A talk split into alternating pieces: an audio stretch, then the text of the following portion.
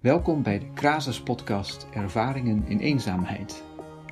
Na een plotselinge lockdown in het voorjaar gaat Nederland nu de winter in met opnieuw beperkingen. Veel kan niet meer, veel contacten kunnen niet meer. Velen voelen zich alleen. In deze podcast proberen we na te denken over wat het is om eenzaam te zijn, wat dat met ons doet en wat wij ermee kunnen doen. En we denken daarover na door terug te gaan in de tijd. We gaan na hoe het was om eenzaam te zijn in de klassieke oudheid. We doen dat in het kader van het Groningse onderzoeksinstituut Crasis, waarin experts voor de literatuur, geschiedenis, filosofie, religie en archeologie van de klassieke oudheid elkaar vinden. In deze aflevering gaat het over wat eenzaamheid met je taalvermogen doet. Over verdriet dat je waarneming van de buitenwereld kleurt. En over boosheid, of misschien wel alles in iedereen, dat je zo eenzaam bent. Mijn naam is Albert Joosten, docent antieke filosofie. Anders dan andere afleveringen nemen we deze niet op per videobelverbinding. Ik voer dit gesprek namelijk met Bettina Rijts-Joosten, die behalve een collega ook mijn vrouw is. Zij is universitair hoofddocent Latijnse taal en letterkunde.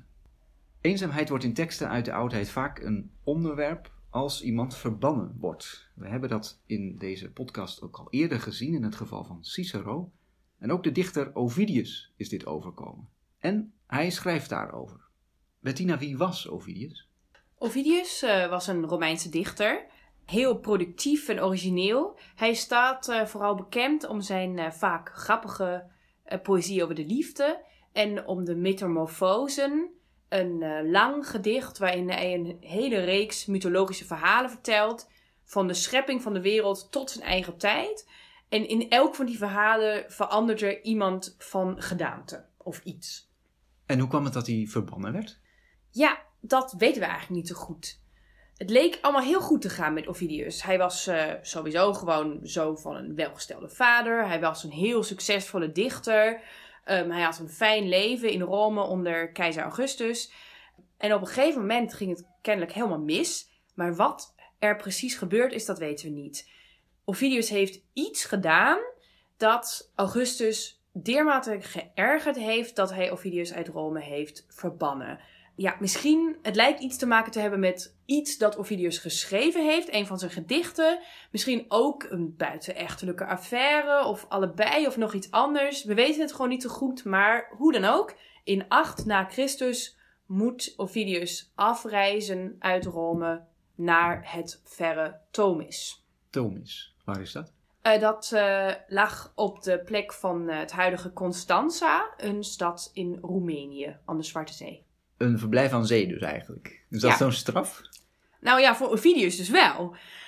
je zou denken, nee, dat is inderdaad niet zo'n hele erge plek. Vandaag is het een fijne badplaats.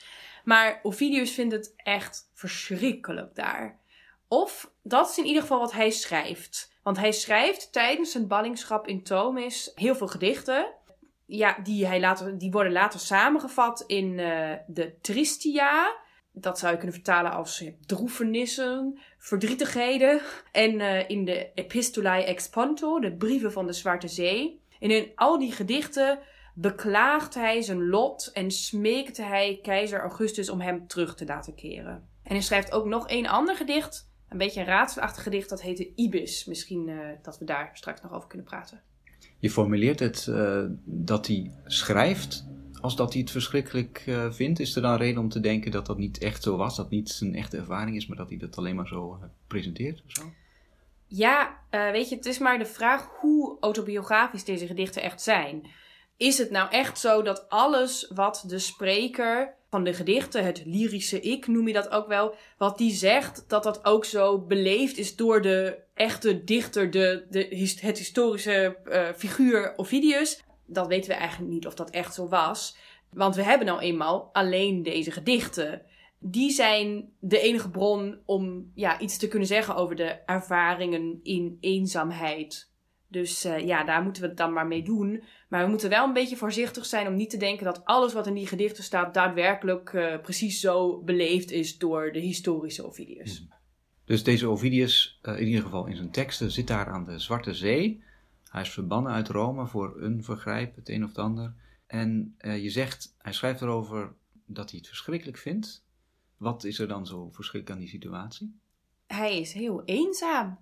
Hij mist de stad Rome. Hij mist het culturele leven daar. Hij mist zijn vrienden. Hij mist zijn vrouw die daar is achtergebleven. En dat gevoel van verwijdering, van isolatie, van vreemdheid, dat uit zich in zijn gedichten op heel veel manieren. En dat lijkt ook te bepalen hoe hij naar zijn omgeving kijkt en hoe hij die ook neerzet in zijn gedichten. Dus hij kijkt naar zijn omgeving als iemand die er vreemd is, die nou niet op zijn plek is. Kun je een voorbeeld geven van hoe dat tot uiting komt? Ja, nou bijvoorbeeld als je kijkt naar wat hij zegt over hoe hij communiceert met die mensen daar. Ovidius was natuurlijk Rome gewend. Hè? Bruisend cultureel leven. Een ja, literair leven met de meest bekende collega, dichters en schrijvers van zijn tijd. Uh, er waren theaters, boekenwinkels, bibliotheken, lezingen. Nou, het contrast met zo'n klein provinciestadje aan de rand van het Romeinse Rijk, dat uh, komt hard aan. En hij beschrijft in zijn gedichten die inheemse bevolking van Tomis, die mensen die daar dan wonen, als echt als totale barbaren. In de vertaling van Wiebe Hogedoorn schrijft hij... De mensen die veel eer verwoede wolven schijnen, zijn de benaming mensen amper waard. Ja, hij beweert dus gewoon echt dat ze, dat ze zijn nauwelijks mensen. Je kunt echt geen normaal gesprek met ze voeren. En ja, zijn gedichten kunnen ze natuurlijk ook niet waarderen. En dat voelt voor hem heel erg naar.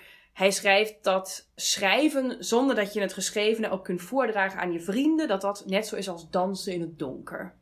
Dat is een mooi beeld. En dat, als hij zegt, uh, nou, je kunt geen gesprek met die mensen voeren, is dat dan ook zo? Het lijkt wel wat overdreven, ja. Want uh, is, is een stad met een gecultiveerde elite. En er wordt Grieks gesproken. En ook een inheemse taal, die noemt Ovidius het Grecisch en het Sarmatisch. Het is denk ik wel plausibel dat er weinig Latijn werd gesproken. Of in ieder geval niet supergoed Latijn.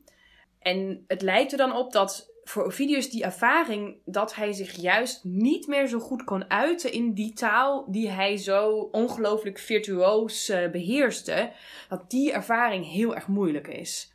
Ik denk dat als je een keertje langer naar het buitenland bent geweest, zodat je die ervaring misschien kent, of internationale studenten hier in Nederland zullen dit misschien ook wel herkennen. Als je je niet in je eigen taal kunt uiten, dan zorgt dat voor een gevoel van vervreemding, ook van jezelf. Ovidius leert die lokale taal wel. Grieks beheerste hij sowieso waarschijnlijk fantastisch. Maar toch voelt het voor hem alsof hij zijn eigen manier van spreken ergens is kwijtgeraakt. Ik, ik kan misschien wel even een passage voorlezen waar hij dit beschrijft. Graag. Uh, dat komt weer uit die uh, vertaling van, uh, van Wiebe Hoogdoorn. Ik geef met schaamte toe dat ik het veronachtzaamd Latijnse woord soms amper vinden kan. Dit boek, dus het boek dat hij schrijft, zou barbarismen zonder tal bevatten. De plaats draagt schuld daaraan, maar niet de man, dus niet Ovidius zelf. Om geen routine te verliezen, niet onmachtig van stem te worden in mijn moedertaal, spreek ik hier met mijzelf, vorm woorden die verzwakt zijn. Dan is hij zelf zijn enige overgebleven gesprekspartner, maar heeft hij blijkbaar niet genoeg aan, want die woorden die worden verzwakt, ja, die worden zwakker. Ja. Ik herinner me dat uh, tijdens het voorjaar van, uh, van het jaar 2020, um, dat er ook af en toe in de kranten verhalen langskwamen van mensen die zeiden: Mijn praatvaardigheid is uh, achteruit gegaan, ik ben zoveel alleen geweest, ik heb niet genoeg mensen om mee te praten. Dat lijkt daar. ja, ik denk dat daar heel erg op lijkt. Ja, precies. Ja. Dus dat is de taal waarin die eenzaamheid ook Ovidius zijn perceptie van de buitenwereld beïnvloedt.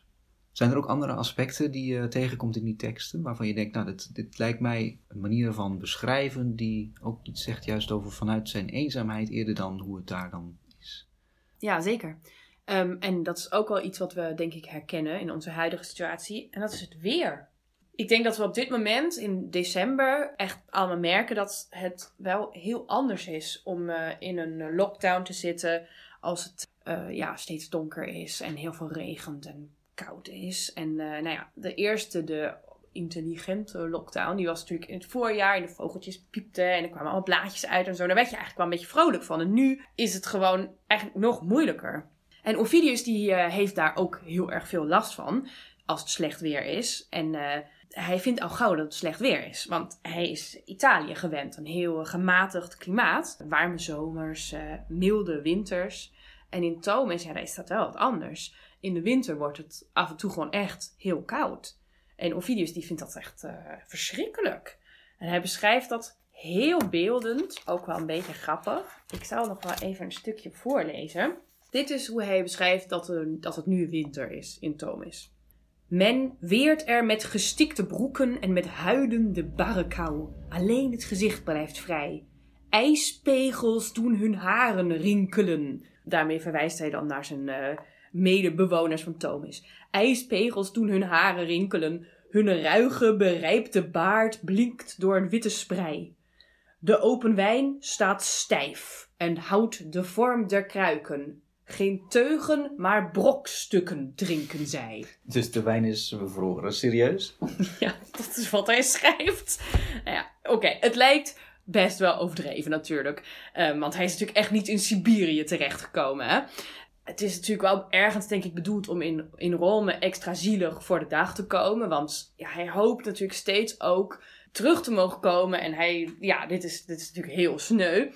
Maar ik denk dat het ook wel ergens grappig bedoeld is. Het is natuurlijk hilarisch dat de wijn gewoon de vorm van de, van de kruiken houdt omdat hij is bevroren. Maar ik denk dat er misschien ook wel iets serieuzers aan de hand is. Want als je je heel eenzaam voelt, dan uh, lijkt het net alsof het de hele tijd slecht weer is. Of het slechte weer is nog veel slechter dan het misschien anders was geweest. Je voelt de kou twee keer zo sterk, omdat je van binnenuit koud bent. Ja, dus je leest daar eh, veel projectie in. Vanuit zijn eenzaamheid wordt het weer nog slechter, de mensen nog barbaarder. En omgekeerd zijn dan die beschrijvingen van de buitenwereld, lees je dan eigenlijk als een soort commentaar op zijn eigen, uh, zijn eenzaamheid en zijn verdriet. Ja, precies. Hij is uh, trouwens niet alleen maar verdrietig. In veel van die gedichten heb je inderdaad deze heel erg verdrietige stemming, heel erg in mineur en zelfs wat, wat jammerig eigenlijk. Maar hij is ook af en toe heel erg boos. En dat zie je eigenlijk uh, het meest in dat, uh, dat merkwaardige gedicht dat, uh, dat ik aan het begin even noemde, de, de Ibis. Dat is het derde werk dat Ovidius in ballingschap schrijft. Ibis, is dat dan, gaat het over een vogel? Ja, bijna. Nou, um, het is een heel bizar gedicht. Best wel lang, meer dan 600 regels. En daarin doet de spreker maar één ding. En dat is, hij vervloekt iemand die hij Ibis noemt. En dat is een, inderdaad een vogelnaam, maar dat is een pseudoniem. Dus uh, hij wil de echte naam van diegene niet zeggen. Maar hij wenst hem op honderden manieren een gruwelijke, pijnlijke dood toe. Het lijkt iemand te zijn, maar Ovidius is een beetje vaag over die op de een of andere manier ook schuld heeft aan zijn huidige vervelende situatie. En die in Rome hem zit tegen te werken of zo. Ja, maar in ieder geval, Ovidius is echt kennelijk in dit gedicht extreem boos. En uh, ja, ik denk dat dat misschien ook wel iets is wat mensen nu een beetje herkennen. Je kunt wel verdrietig zijn over je gedwongen isolatie, maar ergens moet je toch ook iemand de schuld van hebben. En uh, ja, misschien inderdaad wel de, de, weet ik veel, de feesten, de studenten, of uh, Mark Rutte, of Bill Gates. Ja, um, maar het is ja. niet dat iedereen daar gedichten over gaat schrijven. Nee, en uh, al helemaal niet dit soort gedichten. Want het is uh, uh, niet een soort ongeremde woede-uitbarsting, maar een eigenlijk een super geleerd, fantasievol gedicht. Waarin Ovidius heel erg veel verschillende voorbeelden geeft uit de mythologie. Waar iemand dan op een hele vreselijke manier wordt gemarteld of, of sterft. En hij stelt zich dus voor uh, hoe Ibis op al die verschillende manieren dan uh, dood moet gaan. Uh, misschien kan ik nog één, stukje voorlezen. Dat klinkt dit, alsof we dat wel willen horen. Ja, ja dit, dit is de vertaling van mijn collega Christian Kaspers. Dus dat is extra leuk. Ik lees even een paar regels, maar het is dus echt honderden regels van dit. Als Ionus, die van het Ossa-gebergte stortte, word je van een hoge rots gegooid. Als Eurylochus, die op zijn dochter geilde, word je door vraatzieke slangen verteerd. Als koning Minos word je langzaam gesmoord in gloeiend hete, verstikkende waterdamp. En dit gaat maar door. Honderden van dit soort voorbeelden. Het is bizar. Mhm. Mm Klinkt ook niet heel vriendelijk, uh, inderdaad. Heeft, heeft het een beetje geholpen? um, hoe is het sowieso afgelopen met Ovidius? Is die uh, gestikt in deze eenzame boosheid? Of mocht hij op een gegeven moment weer terug naar Rome? Nee, ja, hij mocht niet terug. Op 14 na Christus gaat Augustus dood. En Ovidius krijgt nu al hoop. Denkt, oh, misschien mag ik nu wel terug. Maar de opvolger van Augustus Tiberius, die laat hem zitten. En Thomas 17 na Christus overlijdt Ovidius. Maar er is wel iets grappigs, want 2000 jaar na zijn dood wordt namelijk uh, door het stadsbestuur van Rome de ballingschap van Ovidius ingetrokken. Dus op dat moment uh, maken ze dat officieel ongedaan. Dus het initiatief van het uh, Movimento Cinque Stelle, weet je, die populistische partij van Beppe Grillo.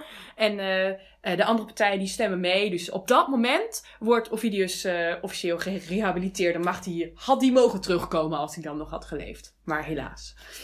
Het einde van 2000 jaar eenzaamheid in zekere zin. Ja, precies. Dankjewel, Bettina Rijtsjoosen, voor deze ervaringen in eenzaamheid uit een verre tijd, die ook een nieuwe blik kunnen werpen op de ervaringen van vandaag de dag.